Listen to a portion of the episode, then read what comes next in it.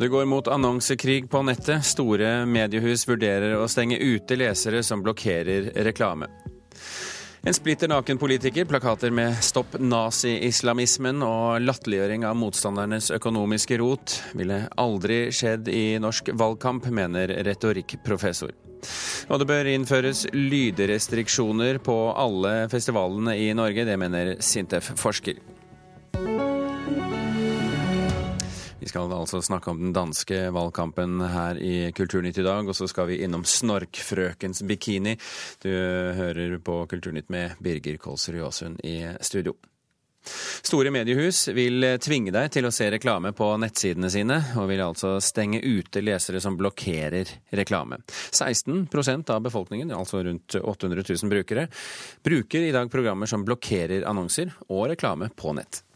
Det er klart De gir oss utfordringer fordi journalistikken vår er finansiert gjennom reklame. Kommersiell direktør Kristian Haneborg i VG liker ikke utviklinga med at stadig flere skaffer seg program som blokkerer annonser på nett. Det er her vi kommer fra.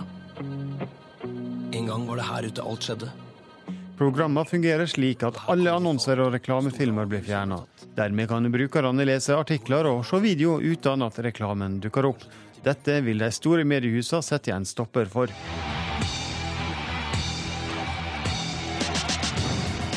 VG og andre Skipsted-eide aviser har fått med seg bl.a. Dagbladet og TV 2 i en allianse for å se hvordan de kan møte utfordringa med at mange velger bort annonsene. Et tiltak kan være å stenge ute de som blokkerer reklame, sier Haneborg. Og Noen av de tiltakene som er diskutert i denne prosjektgruppen, uten at det er konkludert med, er øh, å blokkere innholdet øh, for de som også blokkerer annonsene. Mediebransjenettstaden Kampanje skriver at mediehus som Egmont, Amedia og Dagens Næringsliv ikke er med i gruppa som nå ser på tiltak. Men redaktør Bård Espen Hansen i TV 2.no sier det er viktig at bransjen står samla. Det handler om at eh, skal det ha en effekt, så må de kommersielle mediene stå sammen. Eh, man kan ikke ta denne runden én og én. Man må stå sammen for at det skal ha en effekt, eh, og forhåpentligvis få folk til å fjerne annonseblokkererne for å få det gode innholdet som vi alle lager. Han frykter innhold skal forsvinne. Eh, konsekvensen av at eh, folk ikke ønsker å betale for innhold, vil jo til syvende og sist være at innholdet forsvinner. Tillegg til å vurdere blokkering av de som blokkerer reklame, drøfter mediehusene også andre, mer langsiktige tiltak. Det kan bety mer bruk av betaling for at mediehusene skal bli mindre avhengige av annonseinntekter, sier Kristian Haneborg i VG. Framover kommer du til å se at flere av de fremgangsrike mediehusene kommer til å ha noe inntekter fra brukerbetaling og noe inntekter fra annonser. I dag så er det en stor overvekt mot annonser. Det var reporter Espen Alnes som hadde laget denne saken her. Erik Wilberg, førsteamanuensis ved BI eh, ved Institutt for strategi og logistikk. Skjønner du at mediehusene nå tar grep for å gjøre det umulig å blokkere reklame? Ja da, jeg skjønner de veldig godt. Ja, fordi eh, det er jo en situasjon nå hvor, eh, hvor inntektene er en utfordring for de klassiske mediehusene. Og da vil vi vel forsøke å finne alle muligheter for å beholde så mye som mulig av de inntektene som der finnes der ute. Men å skjønne det er én ting, er det en god idé? Eh, ja, altså på kort sikt så tror jeg nok at, eh, at det kan være en god idé. fordi eh, som, som, en av disse nå sa, så hvis bransjen står samlet om dette her, så kan det vel ha en, ha en viss effekt. Men vi vet jo det at tidligere forsøk på å, å, å komme rundt f.eks. sånn som piratnedlasting og sånn, det har jo ikke lykkes på lang sikt. Så jeg tror mer på, I det langsiktige perspektivet så tror jeg mer på det å stimulere til brukerbetaling gjennom å levere gode produkter. Men hvor stor trussel er egentlig denne reklameblokkeringen? Ja, altså Nå som den eh, jo i større grad også kan flytte seg til den mest populære plattformen, nemlig mobiltelefonen, så kan det jo bli ganske dramatisk. fordi hvis veldig mange nå eh, laster ned blokkeringsverktøy til til smarttelefonen, så mister jo mediehusene det viktigste verktøyet de har i kassa, eh, nemlig tilgang til noen som sitter og surfer både her og der. Og det tror jeg kan være en trussel, altså. Men da kan vi jo se dette som en kamp mellom mediene og brukerne. Er det en kamp mediene i det hele tatt kan ha håp om å vinne? Ja, Det er et godt spørsmål. Det, det, det, det har jeg jo ikke noe godt svar på. Her er vi jo inne i en periode nå med Eh, hva skal vi si, eh, posisjonering og også en ekstrem eksperimentering av ulike mulige løsninger. Altså På lang sikt så tror jeg man finner en løsning på det, men på kort sikt så tror jeg man vil prøve hva som helst for å se om det finnes muligheter for å slå en kile inn i denne blokkeringsverdenen, for å si det slik. Men hvilke alternativer har man da? Nei, altså, Som jeg nettopp sa, jeg tror ikke man har noen andre alternativer enn å si som så at eh, de, de gode, relevante produktene de vil overleve, og brukerbetaling er nok veien å gå.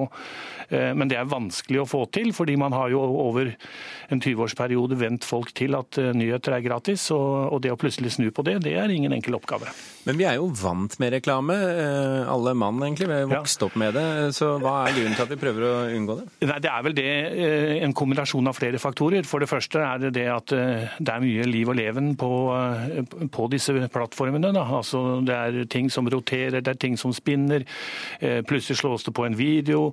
Du får lyd hvor du ikke ville ha det. Og så er det også dette underliggende med at din aktivitet blir sporet. Du, du, du blir passet på. Du, det skal jo være det, disse algoritmene da, som skal fortelle deg for mer brukertilpasset reklame og sånn. Og så kan man, man si at nå er det nok nok nok, nå vil jeg ikke mer. og Derfor så installerer man dette verktøyet. Så har mediene på sett og vis egentlig gravd sin egen grav?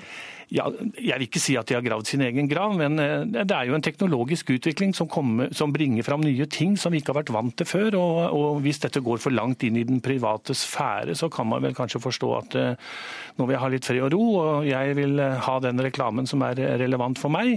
Eller jeg vil selv velge. Og, og som maktforholdene mellom mediene og forbrukerne vil vi nok se kommer til å veksle i de årene som kommer. Erik Wilberg ved BI, tusen hjertelig takk for at du var med med i eh, Kulturnytt. Politiet mener transporttjenesten Uber er en pirattjeneste og varsler reaksjoner mot sjåførene. Denne formen for persontransport er i strid med yrkestransportloven, sier politiadvokat Arne Valdemar Nilsen til Dagens Næringsliv i dag. Oslo kommune meldte selskapet til politiet ved juletider. Uber eh, fungerer altså slik at sjåfører og passasjerer blir satt i kontakt med hverandre via en app, en, et lite program, på telefonen, og, derfor, eh, og, har derfor hisset på seg hele drosjenæringen. Ubers norske sjef, Carl Edvard Endresen, avviser at tjenesten er ulovlig. Et 67 eh, år gammelt danseforbud i Japan skal nå oppheves. Loven som forbyr folk å danse på utesteder etter midnatt i Japan, hadde til hensikt å motvirke prostitusjon, men har også hatt innvirkning på friheten til danseglade japanere og ikke minst turister. Lovendringen eh, gir imidlertid ikke full frihet. Hvis utestedet er for mørkt, er dans etter midnatt fremdeles forbudt. Og er det salg av alkohol, så må utestedene ha egen danselisens, ifølge nyhetsbyrået Bloomberg. Valgplakater eh, med en kliss naken politiker, eh, reklamer som sammenligner islam med nazismen og harselering med Venstres statsministerkandidat Lars Løkke Rasmussens rot med personlig økonomi. Ja da, det har vært eh, fin fart i den danske valgkampen så langt, og i dag er det jo selve valgdagen. Jens E. Kjeldsen, professor i retorikk ved Universitetet i Bergen, og dansk eh, statsborger, får jeg si, eh, som for ordens skyld ikke får stemme fordi du da ikke bor i Danmark. Hvordan vil du beskrive tonen i denne valgkampen så langt? Tonen har vært livlig, kreativ og med betydelig kant. Du har mye mye mer offensiv og angripende retorikk i Danmark enn du møter på i Norge til valget. Hvorfor er det sånn? Det er et godt spørsmål. Jeg har tenkt på dette selv. Jeg kommer selv fra en familie hvor man er ganske sånn øh, åpenhjertig og uttalte. Og kanskje det er en kultur i Danmark at man er mye mer åpen. Og Det syns jeg er veldig bra, men det får jo også litt sånn øh, besynderlige utslag når man f.eks. snakker om innvandring. Ja, På hvilken måte? Ja, Det er f.eks. den reklamen som du refererte til fra de danske konservative, som ellers er et veldig pent konservativt parti. Det er på en måte Høyre i Norge på mange måter. Og Når de lager en plakat som henger rundt i de danske gatene hvor det står 'Stopp nazi-islamismen', så blir det jo litt rart. Og den tidligere lederen for SF, altså det som svarer til FE, han har sagt om en muslimsk gruppe, Hizb tahir at de skulle dra til helvete. Så tonen er unektelig mye hårdere, og kanskje særlig når det kommer til innvandring og immigrasjon. Men, men hva forteller det om det danske debattklimaet og, og, språket generelt, hvis du sammenligner det med ø, Norge og kanskje også f.eks. Sverige? Altså, Norge er nok det landet som ligger i midten mellom Danmark og Sverige. Sverige øh, kunne, Noe sånt kunne aldri skje i Sverige. Sverige er mye mer om jeg får lov, mer politisk korrekt. Man er veldig varsom hva man sier, særlig om minoritetsgrupper, om kjønn, om innvandring. Mens Danmark på den andre siden er, som vi har snakket om nå, mye mer direkte. Mens Norge ligger på en slags mellomleie i den debatten der. Hvis vi går litt sånn konkret til verks her, Kjelsen, Kjeldsen, så, så startet jo valgkampen med eh, at sosialdemokratene lanserte en kampanje der Lars Løkke Rasmussen i Venstre ble avbildet på en bakgrunn av kvitteringer. Mm -hmm. Noe som da altså henviser til rotet i den personlige økonomien. Mm. Så, men, men kampanjen ble jo kalt personhets også i Danmark. Er du enig i det? Ja, den kampanjen, er, den kampanjen er ren personhets. Og Kampanjelederen fra Sosialdemokratene var på TV i et program som heter Detektor, og skulle forsvare den. Og Han sto i programmet og lot som om at denne plakaten naturligvis handlet om nasjonaløkonomi, ja. når enhver med øyne kunne se at det var en ikke særlig subtilt henvisning til ikke bare rot i uh, Lykkes personlige økonomi, men også i offentlige midler han hadde brukt. Men hva øh, synes danskene om dette her, da? Ja, Det er et godt spørsmål. Altså, Jeg tror at mange er begynner å bli lei. Øh, mange dansker uttaler de begynner å bli lei. Og Nå har vi jo til og med fått et nytt parti, Alternativet, som har laget nye regler. Øh, debattdogmer for hvordan man må oppføre seg. Pluss du får, litt som vi har hatt i den norske valgkampen, mange partier som begynner å det vi kaller metadebattere. Altså si nei, slik syns jeg ikke vi skal debattere, eller slik syns jeg ikke man bør øh, kalle hverandre. Ja, og, og, de, og, disse dogmene du snakker om, det er jo da at man skal si både fordeler og ulemper, man skal lytte, man skal fremheve verdier bak argumentene og sånn. Er det litt naivt, nærmest, å tro at det skal inn i en valgkamp? Øh, ja, det er litt naivt. ja. men, men, jeg syns man noen ganger må være litt naiv. Hvis ikke du på en måte har en eller annen form for ideal og en vilje til å se en annen visjon framover, så blir det veldig vanskelig å få en ny debatt. Og uansett om det er naivt, så må man jo anerkjenne at det er det helt nye partiet som er sprunget ut av de radikale venstre i Danmark, har fått veldig stor oppslutning, og til manges overraskelse faktisk kommer inn. Så det man kan si om debatten, er at den har, beveget, den har vært veldig sterk, den har vært veldig hard. Men det er en tendens til at grensen nå er nådd, og bevegelsen går den andre veien. Vi ønsker uansett eh, danskene til lykke med valget i dag. Jens e. Kjeldsen, tusen hjertelig takk for at du kunne være med oss fra Universitetet i Bergen.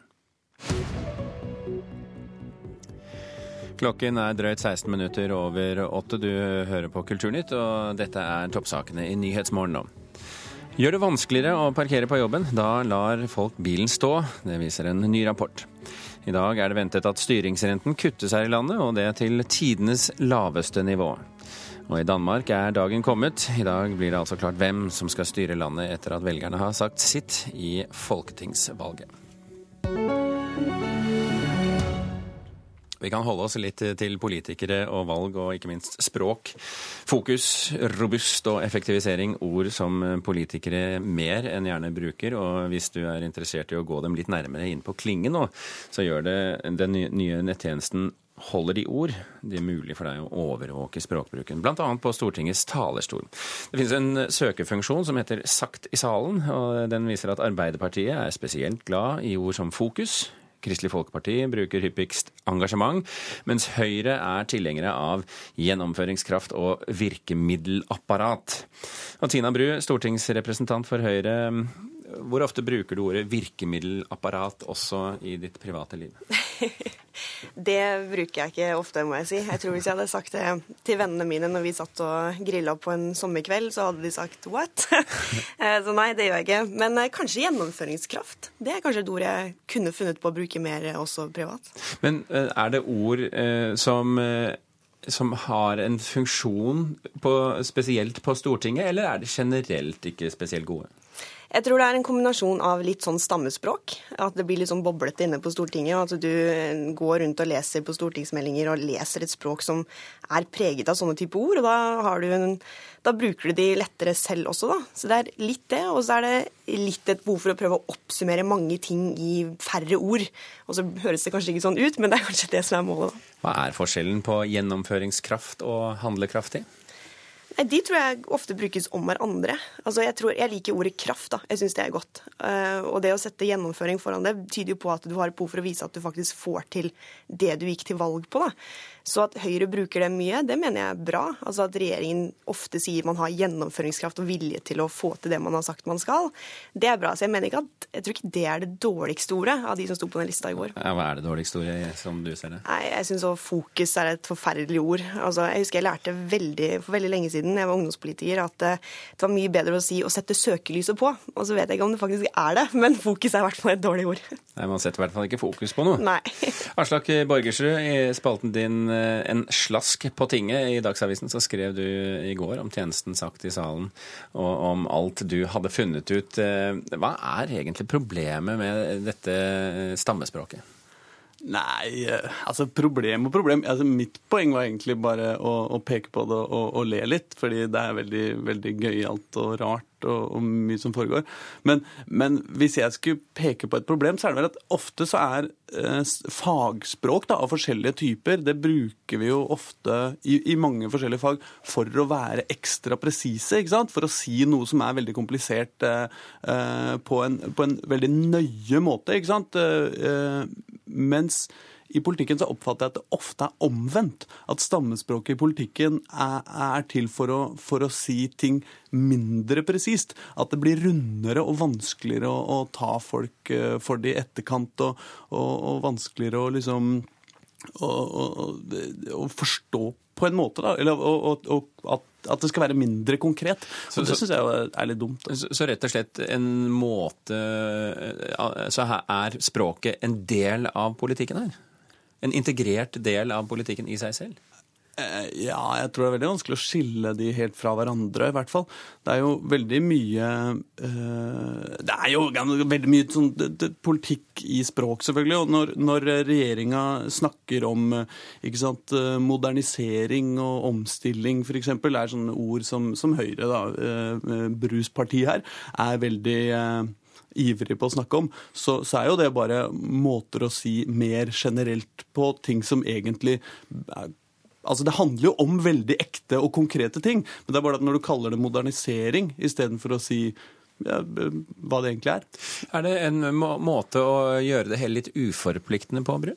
Jeg tror det er både og. Altså, innimellom har man et eh, behov for å være veldig presis. Og jeg føler vel kanskje noen ganger at det, man kan kritisere politikerne for å være så presise at det blir kjedelig eller vanskelig å helt forstå. Men et sånn konkret eksempel da, på en debatt hvor jeg mener man må være presis, som media selv ikke har vært det på, da, det er f.eks. en diskusjon vi skal ha i Stortinget i dag om iskanten, altså iskantdebatten. Det er jo egentlig ikke en debatt om iskanten, det er en debatt om forvaltningsplanen for Barentshavet. Men å bruke det ordet eh, for en journalist, det blir sånn ok, da er det jo ingen som skjønner hva du snakker om, så da sier man iskanten. Og så sier man i tillegg ja, man har en ny definisjon definisjon på iskanten, eller regjeringen har flytta iskanten. Men det er jo ikke det det faktisk er. Og der mener jeg at politikerne faktisk må være presise. For det, det, blir feil å på en måte kalle noe det ikke er, for å forenkle det på en måte som folk forstår. Men er det ikke ofte sånn at uh, språket til politikerne er så vanskelig at uh, det, det, det, må forenkles for at man skal forstå noen ting som helst? Jo, det kan hende, men jeg mener at det er et større demokratisk problem om det forenkles av media f.eks. på en måte som faktisk er ikke korrekt. Er du enig i dette, Borgersen? Ja, altså, jeg, jeg, jeg, har prøvd å grave litt eh, prøvd, Så vidt det er, da, så jeg har prøvd å grave litt i hva du pleier å si, eh, Tina, siden vi først skulle, skulle snakke om og, og, og, og, Tina her er jo miljøpolitiker, eh, i den grad man kan det fra Høyre, selvfølgelig, eh, og bruker f.eks. ordet klimaeffektiv eh, veldig mye. Eh, og det er et ord som man da bruker når man snakker om norsk olje. ikke sant? Om den klimaeffektive norske oljen. ikke sant? Eh, og det man egentlig mener da, er den ødelegger muligens ikke planeten fullt så fort som liksom oljen fra Mordor. Ja. Og her, her, aner vi vel en, en viss politisk ståsted hos herr Borgersrud også? Jo, jo, er det gærent. Men, men, men, men, poenget mitt er at det er, at det er, det er jo liksom er et tullespråk. Det er sånn finne på-ord. Hvordan skal vi finne på et ord som kan beskrive den norske oljen, og som ikke er ond nok? For, for folk som er interessert i dette, så er altså dette nettstedet Holder de ord eh, eh, et sted hvor man kan gå inn og lete mer og finne flere festlige ting. Aslak Borgersrud og Tina Bru, tusen hjertelig takk for at dere kom til eh, Kulturnytt.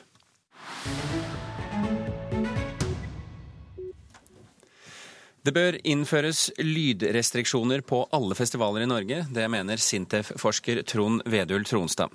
Festivalsesongen med dundrende livemusikk, gjørme og pils i plastkrus den er godt i gang. Og mens festivalsommeren kan skade hørselen, spesielt hvis du besøker festivalen med, som du besøker flere dager på rad.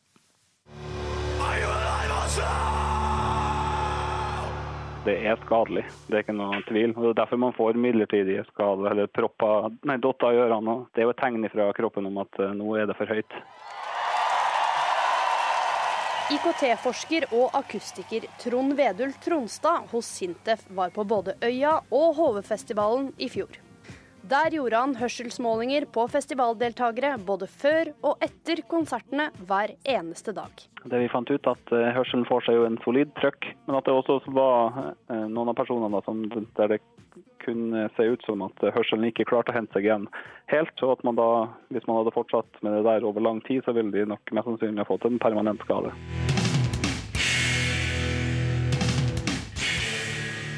Dette er ganske lenge siden hvor jeg var på en konsert Eh, med det glimrende, eh, måtte de hvile i fred, eh, norske hardcore-bandet Dare Ewing, som skulle spille konsert på så godt, og starter, starter veldig høyt, og, og, plutselig, og da står jeg helt, helt fremme med høyttaler rett inn til venstre øre.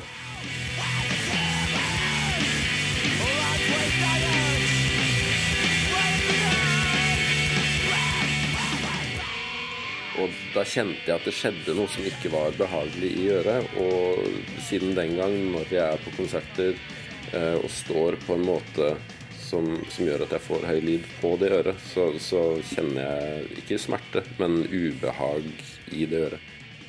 Det forteller Ruben Gran, programleder for Ruben på P3. Han har vært på utallige konserter og festivaler i sitt liv. Men akkurat konserten med J.R. Ewing blir han stadig minnet på når lyden er for høy idet man kjenner noe som man ikke pleier å kjenne i et øre, så, så føler man seg veldig jeg vet ikke, sårbar. Og lurer du på hvordan en permanent skade på hørselen kan høres ut? Følg med nå.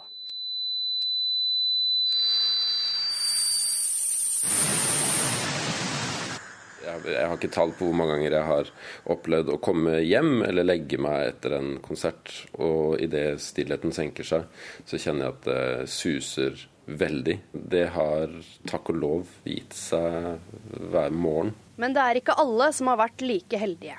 Jeg vet om ganske mange som har tinnitus eller lignende uh, hele tiden. Som rett og slett har, er skada for alltid, da, sannsynligvis. Hold lyden lav. Reporter her, det var Kaja Staude Michaelsen. Morsomme replikker, uttrykksfulle tegninger og klar analyse. Jepps, det er mye annet å glede seg over også for dem som går og ser den nye kinofilmen om Mummitrollet. Vår anmelder Einar Gullvåg Staalesen lar seg glede av mye, ikke minst av Snorkfrøkens bikini. Champagne blant roser. På solfylte terrasser. Kasino, musikk, spill og drinker blant adelens notabiliteter.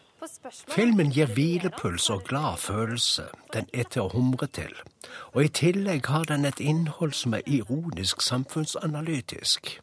Det gjør den like god for voksne som for barn. Åh, oh, Mummi! Dette er akkurat som på film. Hei, vent på meg! Hele storfamilien som Tove Jansson har skapt, reiser til Rivieraen og opplever mondent liv og aristokratisk livsførsel i kongesuiten på Grand. Mye tyder på at byen er kan. Det med rommet skyldes selvsagt en misforståelse, men det er ingen grunn til å gå feilen etter i sømmene. Saken er at familien kommer innenfor i ukjente sosiale settinger, og inntil videre er det godt for dem å være der. Snorkfrøken møter en spissnutet beiler med Playboy-sjarm. Du skal se henne i bikini. Til forrett har vi kaviar, parfymert melon eller pinnsvinrede med nougat. Deilig. Hvilken? Hvilken? Alle, selvfølgelig. Hmm. Jeg tar en tallerken grøt og et glass vann. Jeg vil ha en stek. Mange takk. Penger er ikke noe problem i Cannes. Man kan gå i kasino og satse lykkemynten på ruletten. Rivieraen er i det hele tatt fantastisk inntil man har opplevd noe av den. Det er egentlig det det dreier seg om.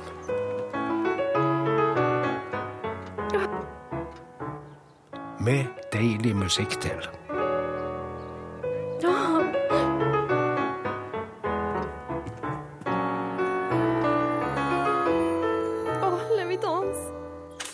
Og så er det med en pirathistorie med skipbrudd. Det skjer før Mummifamilien legger ut på sitt seiltokt til det sofistikerte franske.